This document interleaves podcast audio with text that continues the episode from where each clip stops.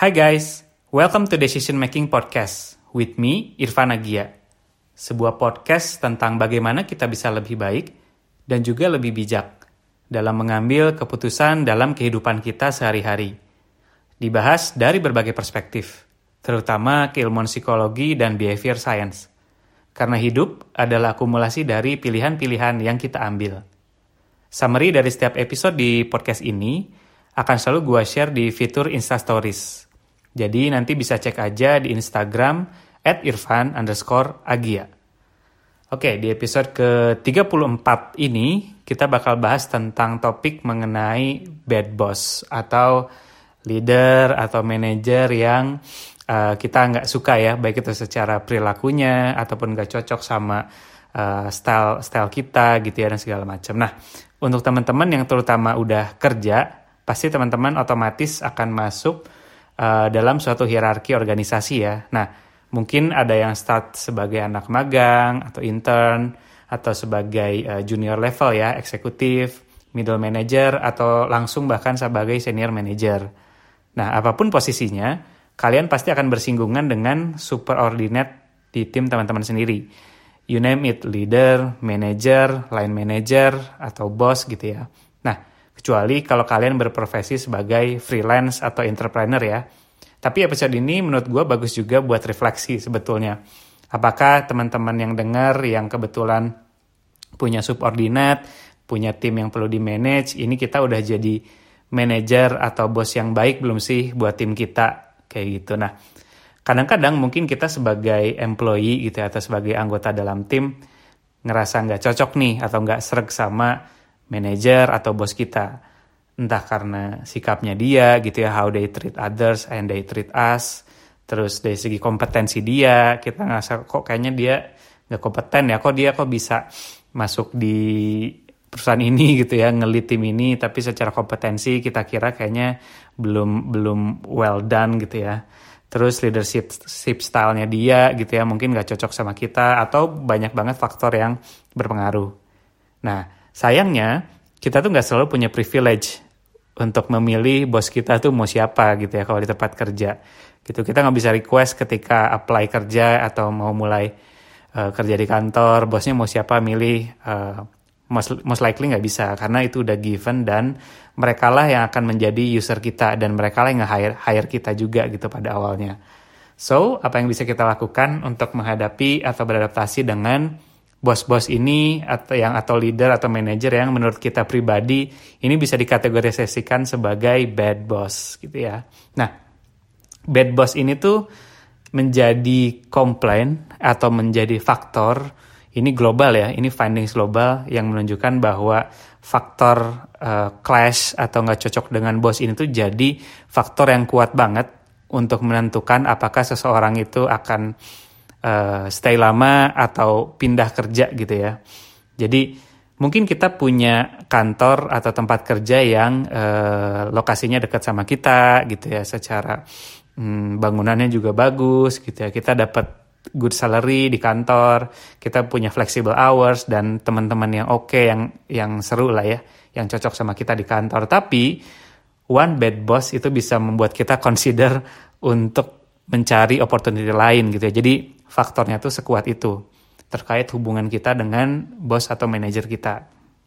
Bahkan ada uh, riset dari Gallup ya, poll voting di tahun 2018 itu dia nge riset nge-survey sekitar satu juta US workers ya. Itu bilang kalau bad boss atau manager itu become the number one reason people quit their jobs gitu ya dan bahkan dari risetnya juga nemuin bahwa 75 persennya itu uh, bahkan voluntary left their jobs gitu ya because karena pekerjaan bukan dari pekerjaannya justru tapi karena si bosnya walaupun dia suka sama pekerjaannya gitu ya dia ini sesuai sama passionnya dia sama skill setnya dia tapi once mereka berada dalam satu tim yang bosnya itu nggak cocok sama mereka nggak serag itu jadi faktor utama yang mendorong mereka push factor untuk keluar dari pekerjaan tersebut gitu. Dan ada juga studi di tahun 2013 ini dari Denmark ya, dia uh, nge-survey sekitar 4.500 public service worker itu menemukan bahwa people don't leave jobs, but they leave managers gitu. So the factor is very strong gitu ya, sangat berpengaruh banget terkait karir kita, kenyamanan kita bekerja gitu ya. Nah kalau gitu apa sih yang bisa kita kategorisasikan sebagai bad boss? Orang-orang yang kayak gimana sih sebenarnya yang bisa dimaksud sebagai bad boss ini? Jadi dari beberapa sumber yang gue baca, sebenarnya banyak tipe-tipenya. Cuma uh, gue highlight ada sekitar lima lah ya, lima tipe bad boss yang uh, bisa dikategorisasikan itu bakal menjadi challenging ketika kita memiliki atau bahkan kita under supervision dari bos dengan karakteristik seperti ini. Gitu. Nah, yang pertama itu tipe yang pasif agresif gitu ya. Nah, pasif agresif bos ini tuh bisa nge-undermine effort di workplace gitu ya, tanpa dia harus ngelakuin tanda kutipnya harassment atau abuse ya, karena mereka tidak verbally uh, bilang atau mengkritis in public gitu ya. Justru tipe-tipe bos ini tuh adalah orang-orang yang avoid in-person discussion atau confront, confront, confrontation. Susah banget ya. Nah, jadi ketika mereka ngasih feedback itu biasanya unclear gitu ya.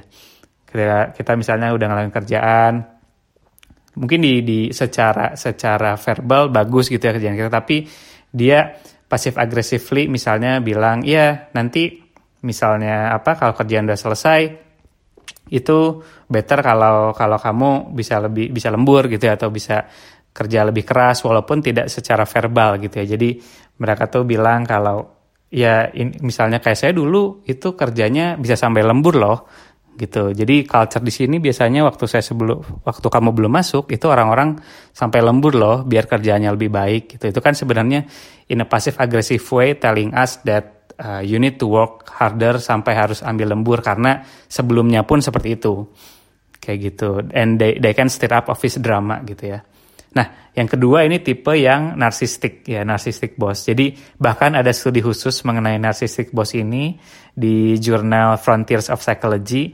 Itu dia nemuin bahwa sebetulnya narcissism itu tuh adalah bisa jadi positive trait buat leaders gitu ya. Jadi uh, dalam takaran tertentu bos dengan karakteristik narsisism yang in a healthy way itu dia lebih confident gitu ya. Dia lebih bisa punya apa punya karisma gitu dia dia dia bisa influence others tapi ketika narsisism scale-nya ini udah lebih uh, di atas normal gitu ya di atas wajar itu dia bisa bisa crystallize menjadi a selfish boss gitu ya, yang cuma care sama dirinya sendiri atau sama image dia image dia sendiri gitu Nah, ini bisa membuat uh, orang-orang itu jadi ngerasa ketika meeting sama dia gitu ya. Terus misalnya apa? Kok ini semuanya jadi tentang dia? Gitu. Ya, dulu saya seperti ini bla bla bla, harusnya kalian seperti ini. Terus uh, jadinya membuat kita kita nih gitu ya timnya jadi ngerasa it's all about him gitu ya. Kita nggak ngerasa di highlight misalnya progres kita seperti apa. Terus juga misalnya uh, kerja kita tuh feedbacknya seperti apa gitu nah segala macam. Nah yang ketiga ini adalah tipenya the power hungry atau Machiavellian boss gitu. Nah bos dengan karakteristik ini tuh dia constantly makes decision atau uh, apa keputusan yang bisa feed his ego gitu ya jadi primary concern dia itu adalah maintaining powernya dia sehingga dia bisa punya lebih banyak uh, akses lebih banyak uh, privilege, lebih banyak ruang untuk uh, coerce atau intimidate others gitu ya untuk di dikontrol sama dia gitu ya. Jadi dia bisa mengclassify people gitu ya. Tim-timnya itu berdasarkan bagaimana dia mereka tuh mentreat uh, diri dia gitu ya. Jadi uh, apa? high achiever ini misalnya kayak kalau dia misalnya punya tim salah satu anggotanya dia high achiever gitu ya itu dia bakal apa bakal di support banget sama dia as long as uh, apa result-resultnya itu bisa mendukung uh, kerjaan-kerjaannya dia gitu ya, dan bisa membuat dia jadi loyal. Dan bahkan si power hungry boss ini nih si masih Machiavellian ini dia bahkan bisa take credit untuk someone else work gitu ya. Jadi contohnya si anggota timnya itu ngelakuin kerja yang bagus terus dia kasih tahu ke orang-orang lain ya ini ini part gue nih gitu kan. Ini job yang disel diselesaikan sama gue juga gitu. Itu as long as itu bisa membuat dia bisa stay in power lebih lama. Kayak gitu. Bisa membuat kita nih sebagai timnya bisa tidak diapresiat gitu kan. Gitu. Nah yang keempat ini mungkin salah satu yang common juga ya yaitu the micromanager. Nah micromanager ini adalah tipe bos yang membuat kita tuh jadi ngerasa diawasin terus gitu ya. Jadi kerjaannya kita tuh benar-benar diliatin gitu ya satu-satu sampai detail yang mungkin sebenarnya nggak terlalu uh, apa nggak terlalu impactful gitu ya. Jadi they pay too much attention untuk small details gitu ya. Dan ini bisa membuat uh, intervensi dia yang terus menerus ini tuh bikin employee jadi ngerasa ayo ah, ya udahlah lo aja deh yang kerjain gitu kan. Apa pun yang gue kerjain jadi revisi terus revisi tanpa ada clear feedback atau nitty gritty feedback yang sebenarnya tuh ya kayak contohnya terlalu perfeksionis gitu ya ini harusnya uh, fontnya sekian gitu kan. Terus harusnya uh, ini bisa align colornya misal. Itu kan hal small details yang sebetulnya uh, bisa di avoid gitu ya untuk dibahas. Ini bisa membuat orang-orang juga jadi un uncomfortable gitu ya. Karena kebanyakan diintervensi gitu ya. Udah capek-capek ngerjain gitu kan. Terus in the end jadi membuat produk dari kita nih atau hasil report kita kerjaan kita itu yang uh, harus benar-benar perfeksionis sesuai banget sama yang dia pengen gitu ya. Jadi bahkan ada ada riset juga gitu ya yang nunjukin bahwa menemukan dan berinteraksi dengan bos yang punya traits micromanager itu uh, jadi salah satu aspek juga yang membuat orang akhirnya pengen resign gitu ya. Karena mereka ngerasa orang-orang itu overly critical, disorganized dan ngerasa knows it all gitu ya. Nah itu yang sebenarnya jadi mengundermine effort atau kita nih sebagai anggota anggota mereka. Seperti itu. Nah, yang terakhir yang kelima ini adalah the baddest boss of all sebetulnya ya. Kalau dari uh, riset terbaru gitu ya. Nah, ada riset uh, yang nunjukin uh, bahwa uh, riset ini tuh dia ngesurvey dari Forbes kalau nggak salah sekitar 28 ribu pekerja across Europe gitu ya. Mereka ini disurvey diminta untuk nge-score uh, manajer mereka uh, di beberapa kategori atau trade leadership. Nah, bos yang punya uh, skor paling rendah gitu ya atau yang dipersepsi sebagai ini tuh yang paling bad lah bosnya adalah the incompetent one. Yaitu adalah manajer yang sebetulnya kita ngerasa wah secara hard skill dan soft skill itu nggak kompeten. Kok bisa orang ini ada di posisi seperti ini? Gitu ya. Apakah dia mungkin kita langsung jadi negative thinking ini orang titipan kah? Gitu kan. Atau ini orang uh, punya punya relation khusus nggak nih sama yang punya kerja segala macam. Jadi kita constantly wondering kok bisa orang ini tuh jadi manajer gue? Gitu kan. Padahal secara skill atau apa gue ngerasa lebih jago misalnya atau kayak ya dia nggak nggak capable untuk handling uh, big team misalnya dan segala macam. Jadi uh, ini uh, dari setnya itu adalah orang-orang atau bad boss yang cannot getting the job done gitu ya. Gitu bahkan dipersepsi sebagai lack of sufficient competence gitu. Nah, ada teori menarik sebetulnya yang baru gue pelajarin juga setelah baca-baca artikel mengenai incompetent type of bad boss ini adalah ada istilah namanya Peter Principle. Gitu. Ini gue juga baru dengar sih Peter Principle. Jadi ini tuh teori yang uh, meng-highlight kenapa sih banyak bos-bos yang inkompeten akhirnya ada di posisi mereka yang sekarang gitu. Root cause-nya adalah seperti ini. Jadi kalau di perusahaan itu kan ada sistem promotion ya. Gitu. Jadi semua orang, hampir semua orang di organization itu bisa keeps on getting promoted gitu ya bisa terus dipromosikan until they reach their level of incompetence. Gitu at that point they stop being promoted. Gitu gampangnya misalnya uh, gua gitu ya misalnya contohnya gua uh, udah kerja lama gitu ya misalnya di company misal lima tahun gitu ya. Terus company ngerasa wah ini kalau biar biar si Agia tetap engaged eh, kita harus mempromosikan dia nih. Walaupun sebenarnya mungkin gue tidak dibekali dengan uh, leadership skill gitu ya. Tapi for the sake of retaining me for the sake of engaging me to the workplace uh, gue dipromot gitu ya. Dipromot terus sampai pada tahap yang mentok gitu ya. Mentok di mana uh, orang ini nggak bisa dipromosin lagi gitu ya. So kalau kata Peter Principle ini given enough time and enough promotion level every position in a firm itu bisa diokupai sama orang-orang yang nggak nggak can do the job gitu ya.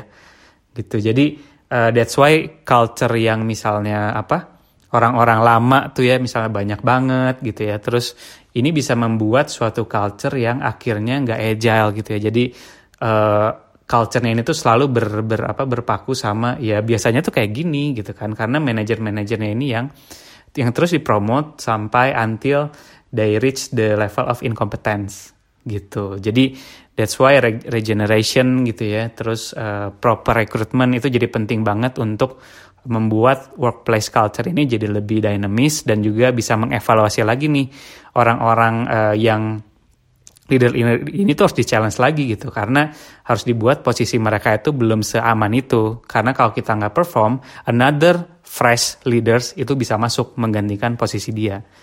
Kayak gitu. Jadi fenomena itu bisa memberikan negatif uh, ripple effect gitu ya. Jadi uh, benar-benar ke mana-mana gitu ya. Jadi bisa jadi ke culture, bisa sampai ke motivasi workernya gitu kan. Seperti itu. Jadi uh, the baddest one is the incompetent one. Kayak gitu. So kalau gitu gimana sih how we can deal with this gitu ya sebagai employee? What are our options sebenarnya? So basically kita punya tiga opsi sebetulnya ya. Jadi yang pertama we can do nothing, ya udah kita pasrah aja deh gitu kan, nerima nerima ya udah keadaannya seperti ini. Yang kedua we can leave, kita bisa cabut gitu ya, kita bisa cari opportunity lain. Atau yang ketiga kita bisa try to adjust gitu. Nah apa sih yang harus kita adjust? Itu yang pertama adalah change the way we're seeing the situation, mindset kita gitu, perspektif kita gimana dalam melihat situasi seperti ini. Dan yang kedua kita merubah bagaimana kita behave, kita uh, ber, bereaksi dalam bentuk perilaku dalam situasi ini. Kalau misalnya kita memang termasuk dalam golongan yang uh, ada di supervisi oleh salah satu dari lima bos seperti ini, gitu. Nah, since option 2 kayak live ini tuh mungkin nggak akan akan sulit ya maksudnya kita juga tidak bisa semudah itu cabut gitu kan uh, misalnya apakah kalaupun kita cabut opportunity di luar yang sesuai atau even better ada atau enggak gitu ini lebih lebih beresiko gitu ya. Terus option one juga do nothing ini juga sounds unsustainable gitu ya karena kita harus suffering gitu ya. Harus suffering terima pasrah gitu kan. Kayaknya nggak cocok in the long term gitu ya. Ini juga the most viable option saat ini adalah yang ketiga gitu ya. Jadi gimana kita bisa adjust dengan situasi seperti ini. Walaupun ini this doesn't mean kita nggak bisa terima-terima aja ya kalau sampai kita bahkan dapat abuse gitu ya udah bener-bener gak nyaman gitu ya. Kalau behavior dari bos kita udah sampai seperti itu, kita harus bisa uh, consult gitu ya atau raise escalate ini sampai ke uh, departemen HR gitu ya. Karena ya itu fungsi mereka gitu. Fungsi dari HR itu Salah satunya adalah sebagai uh, tempat untuk uh, employee consolidate gitu ya, terus uh, curhat juga gitu kan tentang seberapa happy dia kerja, seberapa engage dia kerja. Salah satunya adalah hubungannya dengan bosnya. Seperti itu. Nah, ini sebenarnya kita juga tidak harus through this alone gitu ya. Karena assume uh, behavior atau perilaku dari bos kita ini gak hanya affecting kita doang, tapi mungkin kolega-kolega teman kolega-kolega kita yang lain gitu ya. So unite with your coworkers gitu ya untuk uh, apa saling saling tahulah, saling ngabarin, saling menguatkan gitu kan. Jadi instead of suffering in silence uh, alone gitu ya next time ketika kita kecipratan gitu ya karena ampasnya behavior dari bad boss kita ini kita bisa uh, discuss gitu ya ngobrol sama kolega kita, teman kerja kita untuk emotional support dan harus vice versa. Kita juga ngasih tahu kalau we're available for them too gitu ya, buat mereka juga. Seperti itu. Tapi make sure uh, this form of emotional support ini gitu ya, saling mensupport satu sama lain, nggak berujung kepada trash talking atau ngomongin bos ini di belakang gitu ya, banyak banyak apa gosip-gosipin dia di belakang. Jadi ini sebenarnya gak produktif sebetulnya ya dengan dengan kita trash talking our boss gitu ya with other college behind their back gitu ya. Karena it might make everybody feel better at the moment ya. Tapi in the long term itu tidak akan banyak merubah apa pun. Justru malah membuat apa hubungan kita dengan kolega yang lain itu bondingnya tuh jadi mutual hatred gitu ya. Jadi kita punya kebencian yang sama terhadap upper management gitu ya. So kalau itu itu terjadi mungkin kita bisa contribute to the problem itself gitu ya, di mana workplace culture-nya jadi nggak sehat gitu ya. Karena kita pun juga menjadi membentuk uh, apa bonding yang kita punya hatred gitu ya, kebencian terhadap upper management yang sama. So uh, we can contribute to the problem gitu ya kalau kita melakukan hal itu. Jadi kalau gitu gimana sih caranya biar kita ketika ngobrol gitu ya sama teman-teman gitu ya terkait apa yang kita rasain itu tidak sampai backfire gitu ya. Jadi ketika kita uh, misalnya di dikasarin gitu ya, atau ngerasa dimarahin segala macam, if our boss is rude and mean gitu ya, instead of kita bilang lu denger nggak tadi dia bilang apa? gitu kan, wah dia ngomongin gue gini gini gini gini gini. Gitu kan, wah dia ini banget deh uh, micromanage banget. Dia nih kayaknya nggak percayaan banget. Wah dia nih uh, pengen kelihatan cari muka banget bla bla bla bla bla gitu ya. Instead of that kita bisa nanya ke teman kita gitu atau ke kolega kita hey so this happen gitu ya. Tadi tuh bos gue gini gini gini gini gini. Ada advice nggak lu? Gue harus gimana? Gitu ya. Do you have any advice? Gitu ya. Apa yang akan lo lakukan differently? Gitu ya dibanding gue gitu ya. How would you have handled this differently? Gitu. So in that way yang pertama, benefit pertama adalah kita bisa dapat useful insight gitu ya dari kolega-kolega kita yang mungkin lebih kenal atau lebih lama bekerja sama dia gitu ya, tahu temperamen dia seperti apa dan apa yang bisa kita lakukan atau bereaksi kalau hal tersebut terjadi lagi. So we can gain that uh, useful insight to apply next time. Plus ketika kita ngomongin ini, tanda kutipnya kan ini di belakang juga ya dari bos.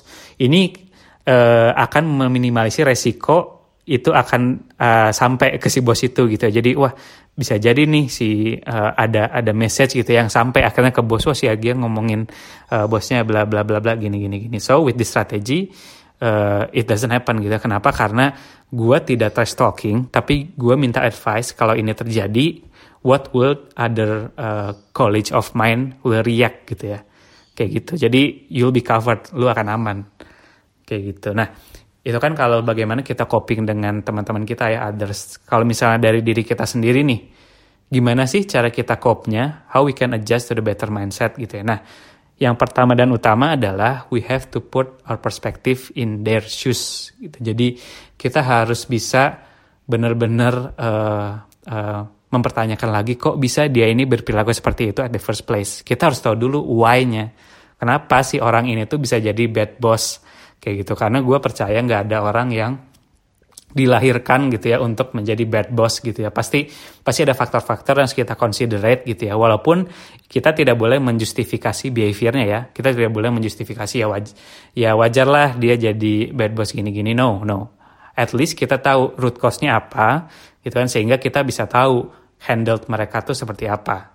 Kayak gitu. Jadi ada beberapa faktor gitu ya yang bisa membuat even the manager yang benar-benar dia tuh punya intensi yang bagus gitu ya. Sebenarnya uh, dia tuh punya keinginan banget untuk jadi good boss gitu ya. Tapi kan beberapa faktor ini yang nggak bisa gitu ya. ini membuat dia entah jadi frustrated entah membuat dia jadi uh, berperilaku seperti itu dan semacamnya. Gitu. So reason pertama adalah yang menurut gue paling kuat adalah they receive no training. Gitu. Jadi Gak semua company, gak semua perusahaan, gak semua tempat kerja itu memfasilitasi leadership training. Gitu ya. Jadi misalnya gue mau dipromot nih sebagai new manager. Gak semua perusahaan itu mempersiapkan gue gitu ya untuk menjadi new manager. Kayak gitu. Jadi contohnya misalnya gue disuruh ikut sesi dulu sama more senior leaders gitu kan. Terus dikasih apa hard skill sama soft skill uh, knowledge terkait gimana sih caranya untuk jadi better boss, flow-nya seperti apa. Kenapa? Karena gak semua orang itu sebetulnya siap gitu untuk menjadi manajer kalau misalnya tiba-tiba langsung put the the the position kepada dia dikasih gitu. Kita harus ada onboardingnya juga gitu. Nah, menurut gua nggak semua perusahaan atau tempat kerja itu mempersiapkan ini. Dan ini tuh critical banget ketika once company itu mau create other leaders kayak gitu. Jadi promotion ini tuh jadi dianggapnya sebagai kenaikan untuk gaji aja gitu buat orang-orang. Jadi biar dia engage ya udah kita naikin dan dia jadi bisa punya anggota gitu kan. Tapi nggak serta merta disiapkan untuk leadership leadership skillnya. Because leadership is a skill gitu ya, yang bisa kita pelajari gitu. We we don't have to born with leadership leadership apa traits gitu. Tapi kita bisa mempelajari itu dan tempat kerja itu adalah faktor utama yang bisa mempersiapkan kita untuk jadi leader yang lebih baik gitu. So poin pertama adalah mungkin mereka nggak receive proper training dari kantor gitu ya, atau dari tempat kerja kayak gitu. Jadi uh, itu yang utama ya gitu. Nah yang kedua adalah they are not rewarded gitu ya for being a good manager. Mungkin dia di awal-awal gitu ya sebelum kita masuk dia itu sebenarnya performanya bagus dia punya hubungan yang baik gitu ya sama tim-tim lain tim yang kerja. Tapi mungkin dia juga tidak mendapatkan reward for being good manager dari other department dari uh, manajernya dia mungkin ya. Jadi ngerasa kayak apa walaupun gue udah mencapai KPI KPI OKR gitu ya cuma nggak nggak ngerasa di appreciate gitu ya. Jadi so dia just give up. Oke okay lah uh, eh, gue mau mau ngebangun tim yang bagus juga ditolak mulu di reject mulu bla bla bla. Ya udah deh gue ngikut aja lah apa yang apa yang apa company mau atau apa yang other super ordinate mau gitu kan. Itu kan jadinya jadi neglect juga ke timnya. Kayak gitu. So, poin kedua mungkin they are not rewarded for being a good manager. Yang ketiga adalah they are given no support gitu ya. Mungkin misalnya mereka tuh butuh support untuk diberikan room atau keleluasaan untuk uh, mengatur strategi segala macam. Tapi bisa jadi atasnya lagi nih si bosnya dia itu micromanage dia juga gitu kan. Dan imbasnya jadi kita kita lagi. That's why bad boss itu akan sangat toxic untuk culture perusahaan. Kenapa? Karena dari atas turun turun turun akhirnya jadi culture gitu. Lama-lama menyebar menjadi culture yang tidak sehat gitu. So uh, kita juga harus harus consider bosnya bos kita itu seperti apa sih? Mentreatnya kayak gitu dan yang keempat mungkin karena lack of knowledge ini terkait leadership skill, reason keempatnya adalah they rely on the carrot and stick uh, method gitu ya atau reward and punishment gitu. Jadi ini adalah basic uh, basic apa ya? Basic expectation ketika seseorang menjadi manager gitu ya. Ketika misalnya ada ada apa? Hmm, employee yang hasilnya bagus, gue gue harus reward. Terus kalau ada yang jelek harus gue punish gitu ya. Nah, uh, at some point itu bisa it works tapi nggak semua konteks itu bisa works dengan metode carrot and stick gitu ya. Karena untuk memotivasi setiap orang setiap employee itu beda-beda banget. Caranya nggak semua orang itu cocok untuk di di punish gitu ya. Ada orang yang cocoknya uh, misalnya untuk di consolidate dulu terus bikin agreement bareng terus tipenya tuh bottom up bukan top down misalnya. Dan untuk apa? Untuk uh, managing strategi dan segala macam. So uh, leaders itu harus tahu gitu ya personalized approach untuk setiap employee seperti apa. Karena applying the reward and punishment method untuk semua anggota di tim itu nggak akan cocok gitu ya untuk semua orang. Kayak gitu. Nah so we have to see things through the eyes of others. Kita harus bisa perspektif taking juga oh uh, bos gue jadi gini karena seperti ini. Walaupun gue tekankan lagi kita tidak bisa menjustify behaviornya ya. But at least we know the root cause gitu ya jadi kita bisa another point of view terhadap bos kita gitu ya. Kayak gitu. Jadi kita juga bisa tahu trigger mereka tuh apa gitu ya. Jadi uh, kalau misalnya kita udah kenal nih orang bos kita ini dia punya hot temper, kita bisa anticipate nih apa aja yang membuat dia jadi tertrigger gitu kan. Jadi membuat dia gak nyaman. Jadi kita bisa anticipate dengan kita lebih mengenal dia better. Terus untuk tiba-tiba bos yang misalnya nggak konsisten gitu ya kita bisa ask about priorities gitu ya. Jadi kita bisa tanya balik ke mereka prioritasnya seperti apa gitu kan. Ini bisa membuat mereka jadi think again gitu ya stop and think untuk akhirnya membuat reprioritasi ulang untuk kerjaannya. Terus uh, ada lagi poin yang bagus menurut gue adalah dokumen everything. Jadi kita harus punya rekam jejak yang jelas gitu ya. Makanya uh, eh, gue selalu kalau ada apa-apa atau important task atau misalnya kerjaan itu selalu gue koordinatnya atau cooperate-nya by email. Gitu kenapa? Karena gue jadi punya uh, proof gitu ya. Ketika misalnya si si bos gue minta A gitu kan, tapi ternyata pas perjalanannya setelah gue melakukan A dia pengennya B. Gue bisa bilang gue gua mengerjakan sesuai email ini sesuai yang dikasih gitu kan. So kita akan lebih safe gitu ya. Dan kalau misalnya escalate-nya udah lebih jauh lagi gitu ya kita punya proof kalau misalnya ke HR atau apa nih gue udah ngerjain kok gue sesuai KPI gue udah sesuai arahan dia tapi dia yang misalnya in the end malah berubah-ubah gitu karena segala macam. So dokumen everything ini jadi penting banget. That's why gue encourage apa pun itu yang terkait kerjaan penting atau terkait consolidation, terkait uh, exchanging information itu semua harus didokumentasi di email. Kayak gitu.